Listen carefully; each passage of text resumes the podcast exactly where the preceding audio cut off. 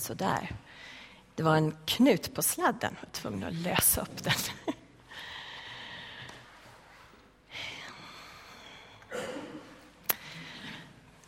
Tänk att få vara så många en augusti förmiddag. Va? Vad roligt. Skönt är när syskon samlas, bröder och systrar. Och kanske du inte känner som att du tillhör familjen riktigt, men du är välkommen in. Alla är välkomna in i familjen, Guds familj.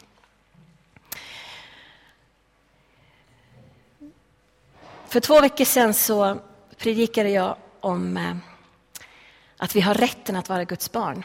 Fast vi började med ordet från första Johannes brev.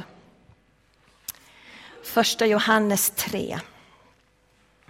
Och Johannes som då var kärlekens apostel, han som pratar så mycket om kärlek. Han som tjatar om kärlek. Ständigt, ständigt. Jag tänkte på det som Annika sa i början, att nästan allt handlar om kärlek. Alla sånger, allt som berör oss på djupet handlar om kärlek. Därför att vi är älskande varelser, det är vad vi är. Ursäkta mig. Första Johannes 3 och vers 12 börjar med. Eller det kanske står 11, jag ser inte, men det gör väl inget.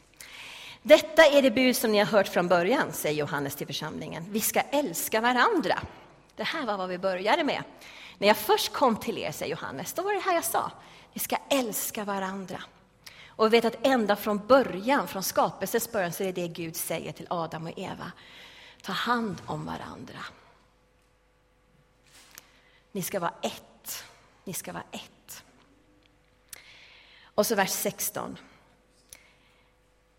Genom att han, Jesus, gav sitt liv för oss har vi lärt känna kärleken. Eller som en annan översättning, detta är hur vi vet vad kärlek är. Definitionen av kärlek. Han gav sitt liv för oss. Och så är också vi skyldiga att ge våra liv för bröderna. Och så sa vi att det här var ju knepigt helt plötsligt. Vad jobbigt det blev. Därför att det är ju helt okej okay att träffas på en söndag förmiddag och så fikar vi och så har vi lite varm och skön gemenskap och så är det jättebra. Och det har jag inga problem med, det är bara underbart. Att komma samman i bön och lovsång och undervisning och allt det här. Men så står det att kärleken handlar om att ge sitt liv för bröderna. Då blir det genast mycket jobbigare, tycker jag. För det känns inte lika kul. Okej, så kärlek är inte bara med kul, med andra ord. Och så fortsatte vi att prata om för två veckor sedan om att om vi ska kunna förstå det här, när Jesus säger att ni ska lägga ner ert liv och följa mig. Ni ska ta på er ett kors